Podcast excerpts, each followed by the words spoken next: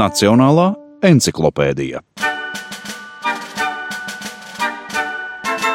Esmu Valdis Muktupāvels, Latvijas Universitātes profesors.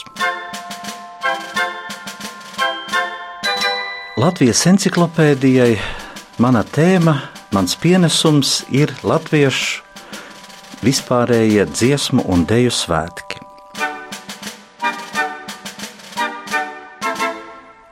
Dziesmu svētki tā ir tradīcija. Turklāt tradīcija, kas iesākās vienā noteiktā brīdī, un tas ir 1873.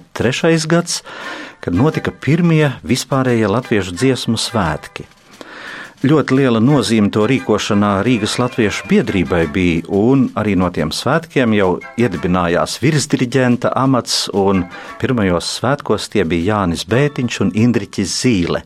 Iesākās Pirmais pasaules karš, bija lielāks pārtraukums, un tad jau sākās starpkaru laika dziesmu svētki, kur pirmie bija jau 1926. gadā, nu, un tad ar tādu lielu pacēlumu 9. vispārējie latviešu dziesmu svētki, kas bija 38. gadā.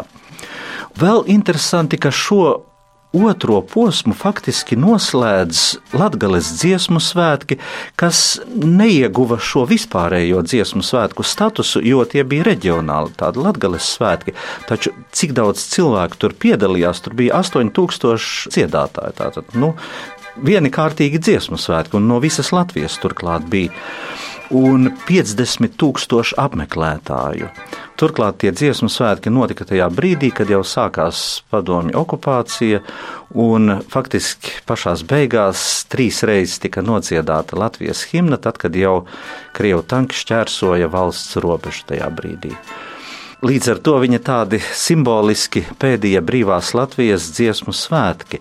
Nu, un trešajā periodā, tūlīt jau pēc otrā pasaules kara, sākās dziesmu svētki jau 48. bet tiem dziesmu svētkiem klāt nāca gan fiskultūrieši, gan vienu brīdi, kā jau citos arī tādos totalitāros režīmos tādas fiskultūriešu demonstrācijas ir svētku sastāvdaļa. Bet Latvijā kaut kā neieviesās tā vingrošana, un to vietā stājās deju kolektīvi tā sauktie. Un jau 60. gada svētkos šie deju kolektīvi tik daudz jau viņi bija, ka tos sāka uzskatīt par dziesmu svētkiem un par deju svētkiem.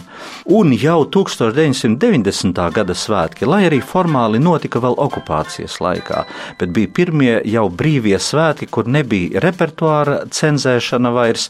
Tur arī piedalījās ļoti daudz emigrācijas latviešu koru un deju grupu, un faktiski viņi bija abu tautas daļu satikšanās.